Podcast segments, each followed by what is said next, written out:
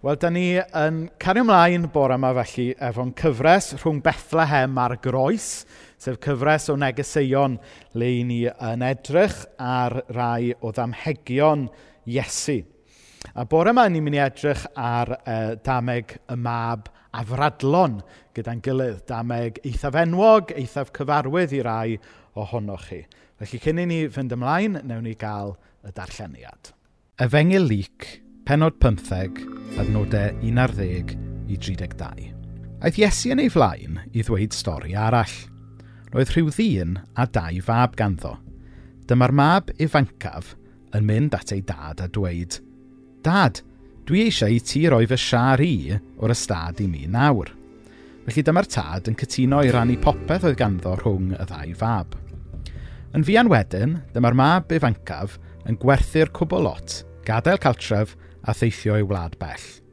Yno, gwastraffodd ei arian i gyd ar fywyd gwyllt. Ar ôl iddo gochi'r cwbl, bu newyn difrifol drwy'r wlad ac roedd yn dechrau llwgu. Llwyddodd i berswadio rhywun i roi gwaith iddo, a chafodd ei anfon allan i'r ceiau i ofalu am fwch. Aeth pethau mor ddrwg nes ei fod yn cael ei demtio i fwyta peth o'r bwyd moch. Doedd neb yn rhoi dim arall iddo. Yn awr diwedd, calliodd ac meddai, beth dwi'n ei wneud yn y fan yma yn llwgu farwolaeth? Mae'n had yn cyflogi gweithwyr, ac mae ganddyn nhw ddigonedd o fwyd. A fi adre at dad, a dweud wrtho, Dad, dwi wedi pechu yn erbyn Dyw ac yn derbyn di. Dwi ddim yn heiddi cael fy ngalw'n fab i ti ddim mwy. Gad i mi fod yn un o'r gweithwyr sy'n cael cyflog gen ti. Felly ffwrdd ag e yn ôl adre. Gwelodd ei dad e'n dod pan oedd yn dal yn bell i ffwrdd roedd ei dad wedi cynhyrfu a rhedodd at ei fab a'i gofleidio a'i gysanu. A dyma'r mab yn dweud wrtho, Dad, dwi wedi pechu'n erbyn Dyw ac yn derbyn di. Dwi ddim yn heiddi cael fy ngalw'n fab i ti ddim mwy. Meddai'r tad wrth y gweision, bresiwch, ewch i'n ôl mantell iddo ei gwisgo, yr un orau. rhwch fodrwy ar ei fus a sandalau ar ei draed yna ewch i ladd y llo sydd wedi cael ei besgu i ni gael parti. Roedd fy mab i wedi marw, ond mae wedi dod yn ôl yn fyw. Roedd e ar goch, ond dyn ni wedi gael yn ôl. Felly dyma'r parti'n dechrau. Tra oedd hyn i gyd yn digwydd, roedd y mab hynaf allan yn gweithio yn y ceiau. Wrth iddo ddod yn ôl at y tŷ, roedd yn clywed sŵn cerddoriaeth a dawnsio. Galwodd fachgen ifanc ato – a gofyn iddo beth oedd yn digwydd. Mae dy frawd yma, meddai hwnnw. Mae dy dad wedi lladd y cho oedd wedi besgu i ddathlu ei fod wedi gael yn ôl yn saff. Ond dyma'r mab hynaf yn digio a gwrthod mynd i mewn. Felly dyma'i dad yn dod allan a chrefu arno i fynd i mewn. Ond meddai wrth ei dad, edrych, dwi wedi slafio'r hyd y blynyddoedd yma, heb erioed wrthod gwneud unrhyw beth i ti – ches i rioed fynd gafr gen ti i gael parti gyda fy ffrindiau. Ond dyma hwn yn dod adre, y mab yma sydd gen ti, yr un sydd wedi gwastraffu arian di i gyd ar beteiniaid, o mae'n rhaid i ti ladd y llo sydd wedi besgu i hwn. Machgen i, meddai'r tad wrtho. Rwy ti yma bob amser, a ti sydd bu a popeth sydd gen i ar ôl. Ond roedd rhaid i ni ddathlu, roedd dy frawd wedi marw, ond mae wedi dod yn ôl yn fyw Roedd ar goll, ond dyn ni wedi gael yn ôl.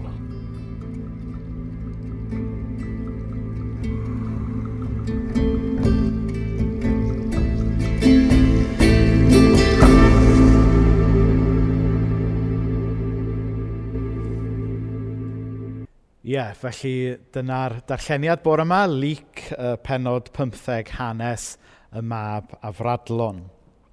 Nawr mae'r ddameg yn weddol syml i ddeall beth sy'n mynd ymlaen. Oedd na ddyn ac oedd ganddo fe ddau fab. Mae'r mab uh, ieienga yn gofyn am ei ran o etifedd y teulu. Wedyn mae e'n ffeirio'r etifedd yna am arian a mae e'n mynd i ffwrdd. Mae e'n byw bywyd gwyllt, bywyd extravagant, nes bod e'n gwario'r cwbl lot a ffeindio'i hun mewn tlodi. A mae e hyd yn oed yn gorfod uh, gweithio a bwyta gyda'r moch. Nawr, pan mae e'n hitio'r gweilod, mae e'n dod at ei hun. Ac yn sylweddoli fod y gweision nôl adre yn byw bywyd ac yn byw dan amodau gwell na fe ei hun. Ac felly mae'n penderfynu bydde fe'n mynd nôl adre at ei dad Yy, nid i'r tŷ, ond yn hytrach jyst i gael gofyn i gael bod yn un o'r gweision. Ond er mawr syndod iddo fe, dydy dad e ddim jyst yn derbyn e yn ôl fel gwas, ond mae e'n gwahoddau e mewn i'r tŷ fel mab.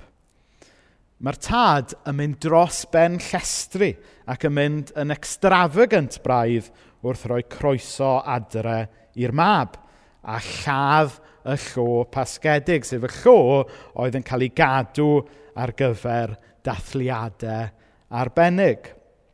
Yna, maen nhw'n gwledda yn llawen. A fel arfer, weithiau pan fyddwn ni'n clywed y stori, fyna mae'r stori yn gorffen. Ond tra oedd hwn i gyd yn digwydd, mi oedd yna frawd arall hefyd. Mi oedd yna fab arall. A doedd e ddim yn hapus o gwbl fod y brawd iau wedi cael ei wahodd nôl. Doedd e ddim yn hapus gyda pa mor extravagant oedd y tad yn ei heilioni a'i gariadau. A fe nath e bwdi. A dyna sut mae'r stori gyfarwydd yn mynd.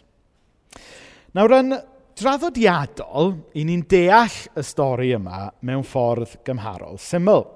I ni'n meddwl mae'r unig beth sydd yma ydy dameg ynglyn â'n gwrthryfel ni fel pechaduried yn erbyn Dyw, yn trio ffeindio pwrpas mewn bywyd, yn trio ffeindio bodlonrwydd ymhether byd, cyn dod at yn synhwyrau a dod nôl at ddew. Ac er bod yna wirionedd pwysig uh, yn y ddealltwriaeth syml yna o'r ddameg, Eto, os ydyn ni'n zoomio allan bach, ni'n gweld fod yna lot mwy yn mynd mlaen yn y ddameg yma nag i ni falle wedi sylweddoli o'r blaen. Achos nid dameg yn bennaf am y mab sy'n gwrthryfela sydd yma. Nid yn bennaf dameg am y mab sydd wedi pwdu. Ond yn hytrach, dameg sydd yma ynglyn â'r tad i hun. Mae e'n ddameg sydd yn helpu ni weld beth yw cymeriad a natur y tad. Hynny yw, dameg yw hon, nid amdano ni, ond am ddiw i hun a dew cariad. Pan ni'n meddwl am y mab afradlon, ni'n ni'n meddwl am y gair afradlon, neu yn Saesneg, Saesneg prodigal, i ni falle meddwl mai ystyr afradlon ydy rebel, neu rhywun sydd wedi mynd off y rails. Ond ystyr y gair mewn gwirionedd ydy extravagance. Felly, nid stori yw hon am fab a fradlon. Stori yw e am ddiw a fradlon. Dyw sydd yn afradlon yn extravagant yn ei ras a'i gariadau e tuag ato ni. Nawr, trwy lygaid dynol, byddai ni'n meddwl falle dyle'r mab ifanc yn y stori, dyle fe ddim cael dod nôl i'r teulu. Oedd e wedi cael ei atifedd, oedd e wedi cael ei gyfle, oedd e wedi cael ei siawns, ac oedd e wedi gwneud smonach ohono fe. Felly beth oedd angen nawr oedd tough love er mwyn iddo fe ddysgu i wers a cael ei gadw ar y tu allan. Ac yn aml, dyna sut i ni yn gweld bywyd, ynddo fe? Ond mae Dyw yn gweld pethau trwy lygaid gwahanol. Mae gwerthoedd Dyw ben i weired. Mae heilioni a cariad Dyw yn aml yn yn golwg ni yng ngolwg y byd yn ffôl, yn afresymol, yn anghyfrifol hyd yn oed. Mewn rhan arall o'r Beibl, Mae'r efengil grisnogol yn cael ei alw yn ffolineb ac yn dramgwydd, oherwydd bod e ddim yn ei sens yn ôl gwerthoedd y byd yma. Ond mae Dyw yn ddiw cariad. Mae gariad a'i ras a'i heilioni e yn hollol extravagant ac yn mynd tu hwnt i unrhyw syniad gyda ni o beth sydd yn deg a rhesymol. Mae'r stori yma'n dangos fod Dyw yn tad nefol ni yn mynd i'r eithaf, i drefnu a rhoi maddeiant i ni, ond ddim jyst er mwyn maddau ni a bod ni jyst yn cael mynd i fod yn un o'r gweision, ond mae e'n adfer yn etifeddiaeth i ni ac yn gwahodd ni yn ôl i'w gynllun gwreiddiol a i ni fod yn blant yn ei deyrnas e. So dyna yw'r pwynt cyntaf. I ni gofio, mae nid dameg yw hon yn bennaf am y meibion, ond dameg yw e ynglyn â'r tad, a be mae hwnna'n dweud wrthyn ni ynglyn â'r dew sydd yn gariad. Nawr, yr ail bwynt i ni'n tueddu i gochi yn aml yn y ddameg yma ydy rhywbeth dwi wedi cyffwrdd arno fe yn barod. Sef pwysigrwydd y mab hun yn y stori. Yn aml, pan da ni'n clywed y ddameg yma'n cael ei adrodd, um, mae, mae crescendo yn digwydd gyda'r mab ifanc yn cael ei wahodd yn ôl mewn i'r teulu. Ond mae yna wyth adnod arall yn y ddameg. Mae e fel y ffilms yna, chybo, chi'n meddwl sy'n cyrraedd y, y diwedd, ond wedyn chi'n ffeindio mas bod yna hanner awr arall i'r ffilm. So chi'n meddwl, beth sy'n mynd i ddigwydd yn yr hanner awr nesaf? Neu un o'r golygfeidd yna mewn ffilm, le mae'r camera jyst yn panio a dangos rhyw olygfa arall.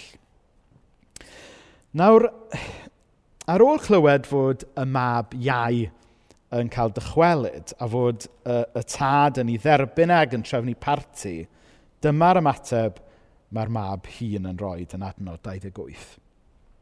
Ond dyma'r mab hynaf yn digio a gwrthod mynd i mewn. Hmm.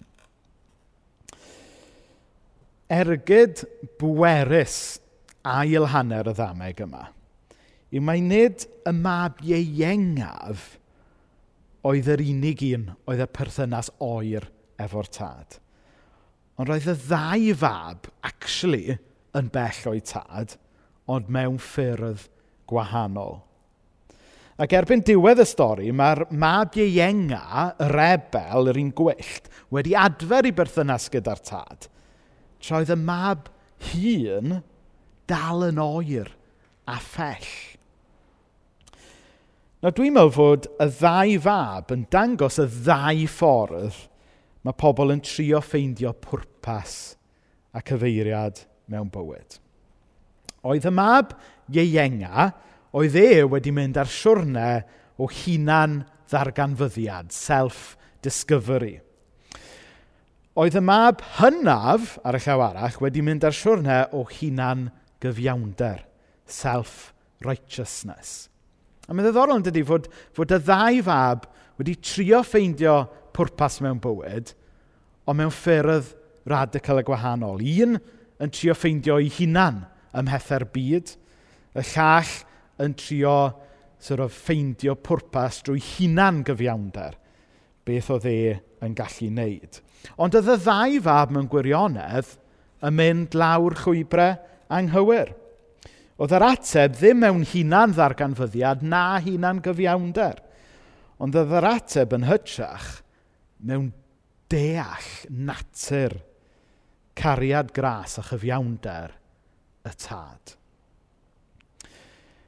Nawr dwi'n meddwl fod rôl y mab hynaf actually yn fwy heriol i ni falle sy'n ystyried yn hunain yn grisnogion ac yn bobl capel falle yng Nghymru heddiw.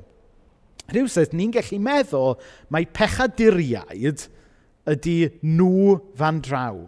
Pobl fel y mab a fradlon. Nhw ydy'r pechaduriaid, sex, drugs yn rock and roll. Ni'n bobl parchus yn y capel. Ond mewn gwirionedd, mae hunan gyfiawnder yr un mor niweidiol a hunan ddarganfyddiad. Mae hunan gyfiawnder os rhywbeth yn fwy niweidiol oherwydd bod e yn fwy cynnil. Falle'n bod ni'n meddwl bod ni'n iawn achos bod ni'n byw bywydau moesol ar yr wyneb. Ond i ni'n gwneud camgymeriad mawr os yn ni'n meddwl bod ni'n gallu ffeindio pwrpas, bod ni'n gallu dod yn iawn efo Dyw jyst allan o'n hunan gyfiawnder ni yn hunain.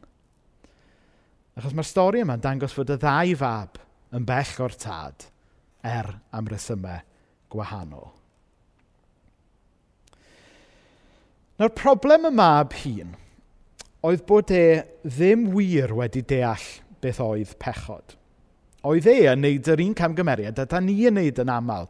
O feddwl, mae'r unig beth ydy pechod ydy gwneud pethau yn anghywir.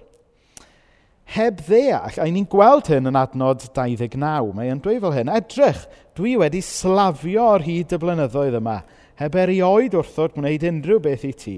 Ches i erioed fyn gafr gen ti, i gael parti gyda fy ffrindiau. Hynny oedd y mab hun yn meddwl bod pechod mae bod yn gweithio fel clorian, chi'n gwybod? Bod chi, oce, okay, chi wedi gwneud chydig bach o bethau drwg, ond ys ych chi'n gwneud cwbl o bethau da, bod chi o'ch nerth o'ch hun yn gallu balans o'r glorian nôl. Dyna yw hunan gyfiawnder, bod chi'n meddwl bod chi yw'r dew arnoch chi eich hun a bod chi'n gallu cladd, uh, adeiladu eich ffordd allan o'r twll. Oedd y mab hun yn meddwl mae'r unig beth oedd pechod oedd torri ambell i fan reol, ond i chi dim ond neu hyn a hyn o bethau da i balans o fe nôl, rhyw fath o karma moesegol y bydd yn oce okay yn y diwedd. Ond nid dyna beth yw pechod. Mae pechod mwy fel salwch. Mae e fel rhyw salwch ysbrydol falle sydd wedi syrthio ar bob un ohono ni. Ydy mae'r Beibl yn cymharu fe weithiau fel rhyw fath o um, balans cyfreithiol sydd angen i setlo i dalu. Ond mae'r Beibl yn sôn am bechod hefyd fel salwch.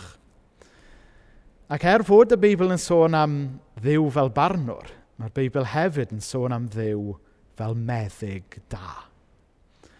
A oedd y mab hun ddim wedi gweld hynna. Oedd e ddim wedi gweld hynna bod e ddim yn gallu sortio'r broblemau hun allan a bod e angen mynd yn ostynedig a dod yn agos yn ei berthynas gyda'r tad. Nawr, yngolwg y byd, dydy'r stori yma ddim yn gwneud synwyr. Oherwydd mae'r un gwyllt yr ebel yn cael ei groesawu mewn, a mae'r un moesol hunan gyfiawn yn cael ei gadw allan. Ond dwi e ddim yn ei sens oherwydd bod ni falle'n edrych ar y ddameg trwy'r lens anghywir. Da ni'n edrych ar y lens drwy bersbectif y byd, falle drwy bersbectif y meibion. Ond da ni angen dysgu gweld hwn drwy bersbectif Dyw. Nid dameg yw hwn ynglyn â'n methiannau ni o'r heidrwydd, boed hwnna yn wrth i ni fod yn rebels neu wrth i ni fod yn hunan gyfiawn. Ond dameg yw hwn sy'n gwahodd ni edrych ar galon Dyw y Tad. Dyw y Tad sydd wedi dod, fel mae'n dweud yn lyc uh, penod 5 adnod 32, Dyw sydd wedi dod i alw pechaduriaid i droi at ddew. Dim y rhai sy'n meddwl eu bod nhw heb fai. Nawr mae bywyd hunan gyfiawn y mab hun cyn bercled os nad yn waith na bywyd gwyllt y mab ifanca. Ond y peth mwyaf gwyllt yn y stori yma ydy cariad y tad. A ni'n mynd i fyfyrio'n bellach nawr yn y ffilm yma sydd wedi baratoi.